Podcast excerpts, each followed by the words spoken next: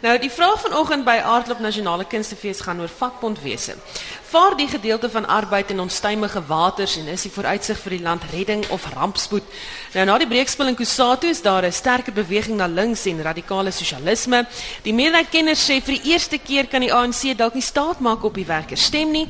Die onderstrominge in arbeidswese het bepaal ook 'n invloed op 'n reeds sukkelende ekonomie en Suid-Afrika lê tans laaste op die wêreld met 'n dingendheidsindeks wat arbeid-effektiwiteit betref. Nou professor Raymond Parsons, ekonom van die NWI Potchefstroom Besigheidsskool en Flipbuys voorsitter van die Solidariteit Beweging is hier om oor die sake te praat. Zwelin Zima Wawie van Kusatu sou ook vandag hier by ons gewees het, maar um, kon nie so vroeg hier wees. Hy ry deur daar van Johannesburg af. Maar ek wil begin by professor Parsons en vra belangrik is dit dat jy weet meneer Wawie hier moet wees. Wel, ek ek het gehoop hy sal hier wees want dit is 'n warm onderwerp wat ons bespreek hier oggend. Ek dink dat die, hele kwessie van arbeidsbetrekkinge in die arbeidsmark is 'n steunpilaar in enige ekonomie en ook in Suid-Afrika, maar ek ek wil net so 'n bietjie die vraag vra waar het ons begin? Ons sal onthou dat met die nuwe bedeling in in 94 was daar twee belangrike onmiddellike verwikkelinge. Die een was die wetgewing wat Nedlek eintlik geskep het en tweedens die onderhandelinge so 'n paar maande daarna om die nuwe arbeidswet te skep. Dit was 'n belangrike prioriteit en om dit deur die parlement te kry. En dit is die argitektuur wat ons nou het vir ons arbeidsbetrekkinge uh en vir ons kollektiewe bedinge wat ons 20 jaar of 21 jaar verlede eintlik eintlik geskep het. Nou kom die verslag waarna jy verwys het. Dis nou een van die verslae wat sê kyk uh in hierdie verhouding tussen die werknemer en die werkgewer is ons onder in die klas. Uh, wat nou voel ek ons met die vraag vra maar on, ons het so goed begin met hierdie raamwerk. Ons die sakewêreld, die arbeid, die regering het almal gevoel dit is die regte raamwerk. Ons kan daai reëls gebruik om stabiele onderhandelinge te hê en uitkomste te hê en so voort. Maar die vraag nou is wat het nou gebeur in die 21 jaar?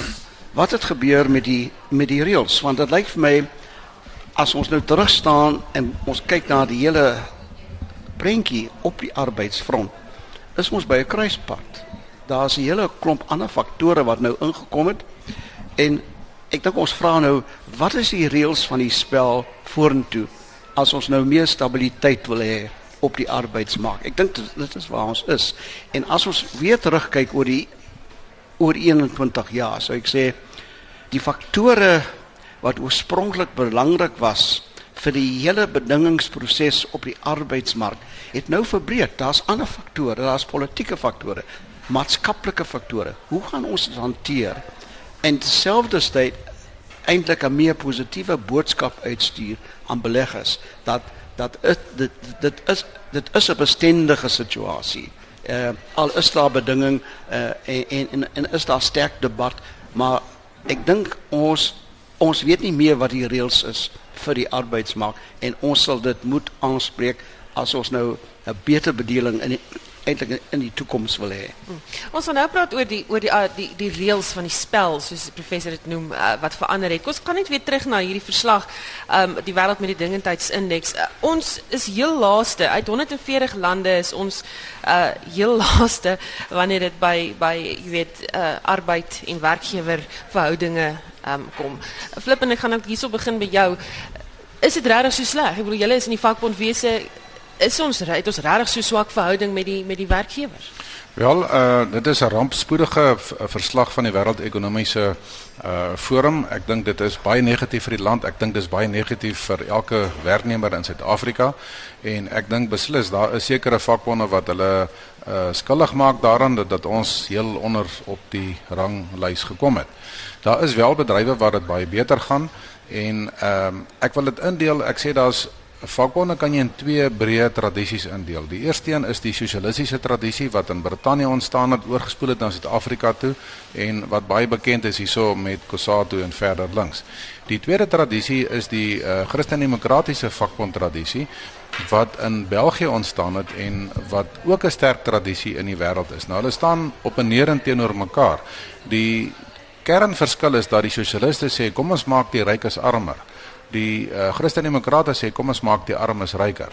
As ek dit andersom kan stel, dan uh, sê die Christen uh, uh, weet vakbonde kom ons gee van wat ons in is, ehm um, jy weet van weet, weet myne is joune. Die sosialiste sê joune is myne.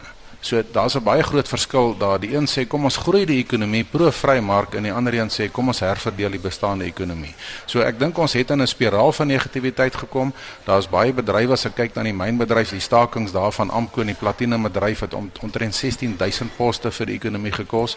So uh, ek dink dit is 'n uh, uh, uh, regtig 'n rampspoedige spiraal in die vervaardiging en die mynbedryf en ek dink daar's vakbonde wat 'n groot rol daarin speel. Professor Parsons? Nee, ek wil net byvoeg uh, hierdie mededingingsverslag. Ons praat nou hoofsaaklik sover oor die samewerking tussen die werknemer en die werkgewer wat op so 'n lae vlak 140 uit 140. Eintlik kan jy nie laag gaan nie.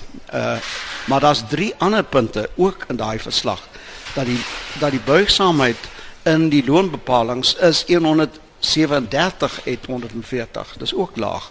Die aanstelling en en die bedanking en die die afdanking van van van die personeel, dis dit is 138 uit 140 en lone en en produktiwiteit is 127 uit 140. So daar's 'n groepering van swakhede wat ons moet aanspreek want dit is langtermyn dinge. Dis nie onmiddellike dinge nie.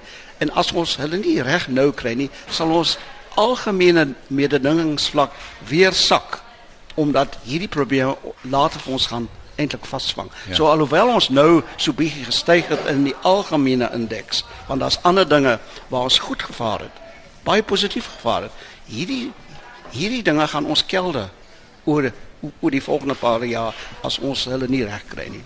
Ek wil kyk ek wil heeltemal saamstem. Die Ons moet kyk na die wenlande, die drie uh, wenlande wat genoem word, Switserland, Singapore en die uh, Amerika.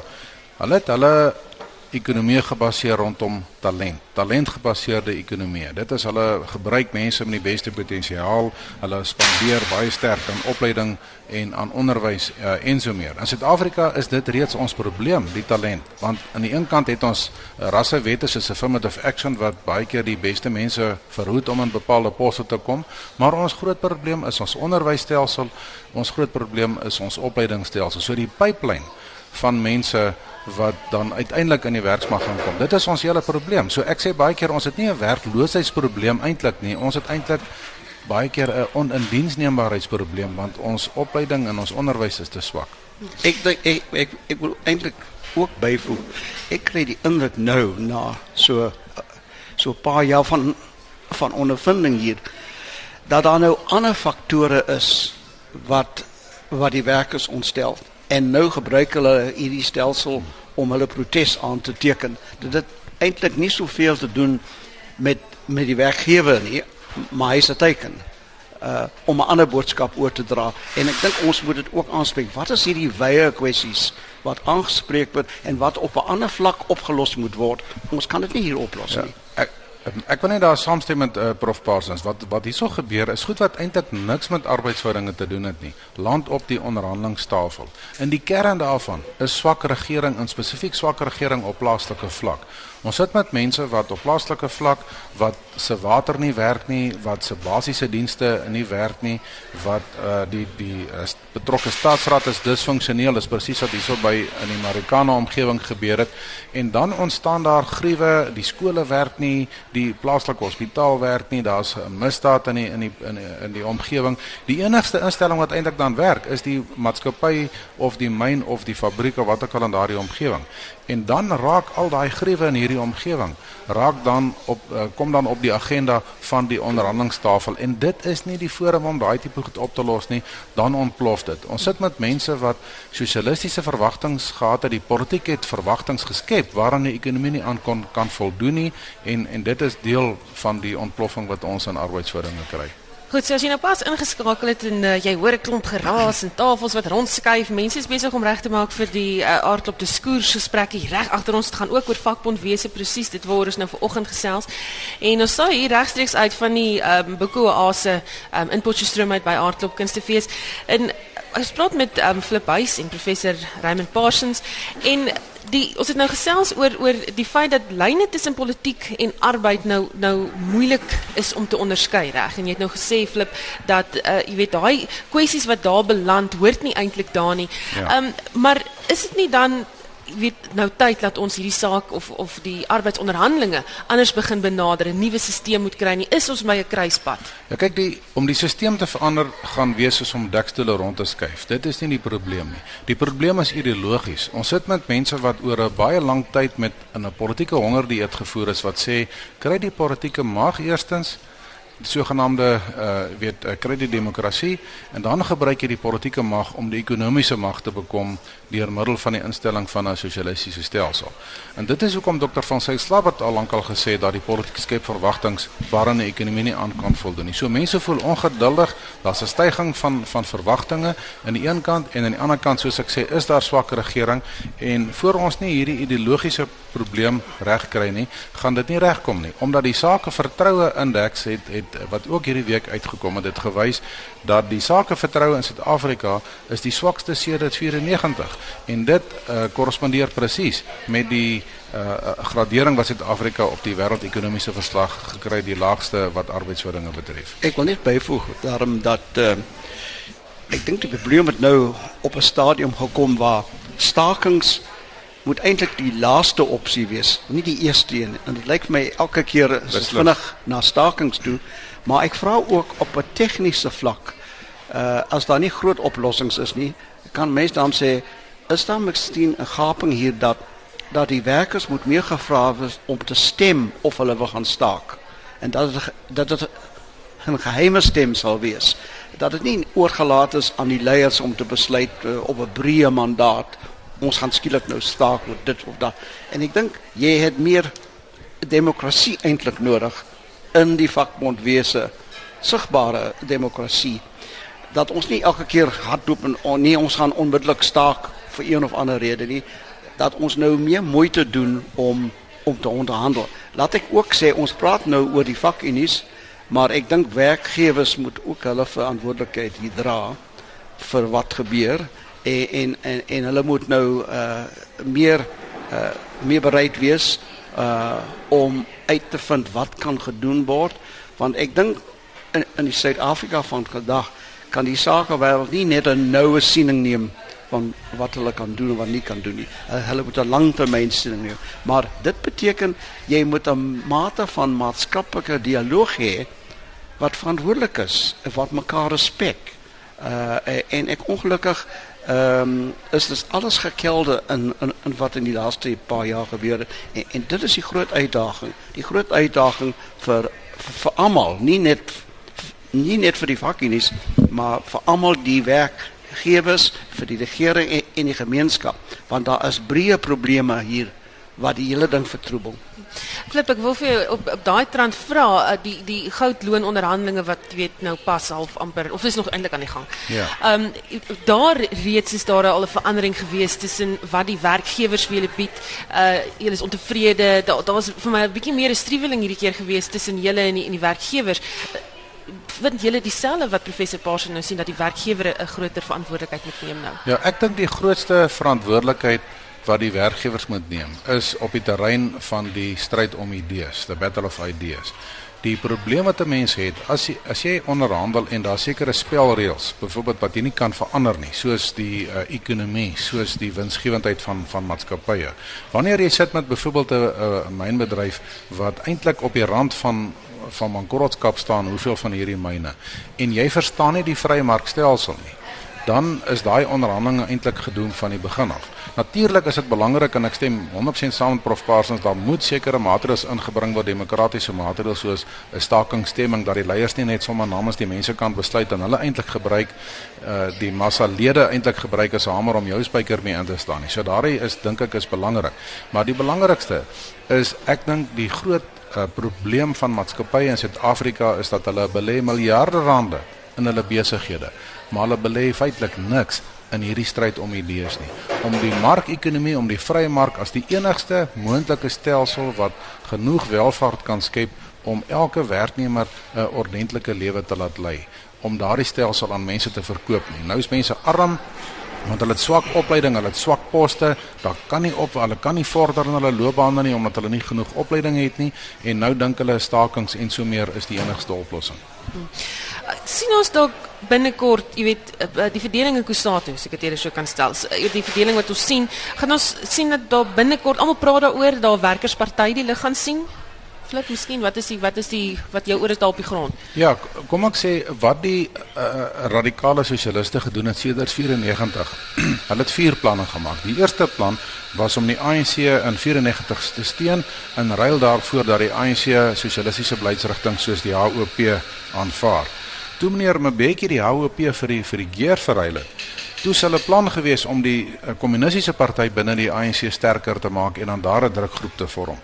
Toe meneer Blyten se maande eintlik nou uh, eintlik hier in die regering in verdwyn, toe was plan C om die ANC van Mbeki oor te neem en Kosato het meneer Zuma gesteun om aan bewind te kom. En toe hulle nou met hom ontnig te raak, Nou wil 'n groot klomp van hulle, jy weet nou nie die Kosate groep nie, hulle ondersteun steeds Zuma, maar uh, Nimsa en en Amko en ander van die wegbreekers, hulle is nou besig met plan D en hulle wil hulle eie meer revolusionêre party stig, maar die uiteinde van die saak is 'n groot verbrokkeling aan die linkerkant van die politieke spektrum want selfs in Suid-Afrika is daar net soveel sosialiste wat kan stem. So ons sit met 'n linkse verbrokkeling en dit is miskien nie net sleg vir vir eh, vir demokrasie nie alhoewel mense is bekommerd oor die onstabiliteit wat dit in die arbeidsmag kan meebring. Ons moet net onthou dat toe toe ons eintlik Kusatu oorspronklik sien gevorm het. Dis nou 30 jaar gelede waar hulle nou saamgesnoer met die ANC want hulle was teen apartheid. Maar daar was groot debat daar om te sê maar wil ons as 'n vakunie in die politiek betrokke geraak. Maar ek sê nee, kyk, daar's 'n groot vyand, dis apartheid, ons moet dit aanspreek. Nou dink ek wat nou ook dit, dit daar is 'n vervreemdheid hier want baie werkers voel dat hierdie vakunies is so sekere van hulle is so polities. Hulle kyk nie meer na die na die belange van die werker nie. Hulle is nou betrokke by groot politieke vraagstukke eh, en dat die belange van die werker uh, word nie noukeurig gehanteer nie. En ek dink dis 'n deel van die vervreemdheid en dit waar jy dan 'n verdeling kry, kry jy nou ook radikalisme. Omdat die ekonomie nou die groot vaar nie, daar is gruwe en die hele ding kom by mekaar, daar's 'n groot vervreemdheid. Maar uh, ek dink die deel van die probleem is dat die vakunies moet teruggaan na hulle oorspronklike rol om te kyk na die belange van die werke en daai en dan moet jy maar liewer 'n werkersparty hê wat in die parlement sal sit en daardie dinge op daai vlak doen. Maar ek dink hierdie hierdie mengsel van die politiek en die ekonomie is nou uitgedien sover soos die vakunies uh, betref.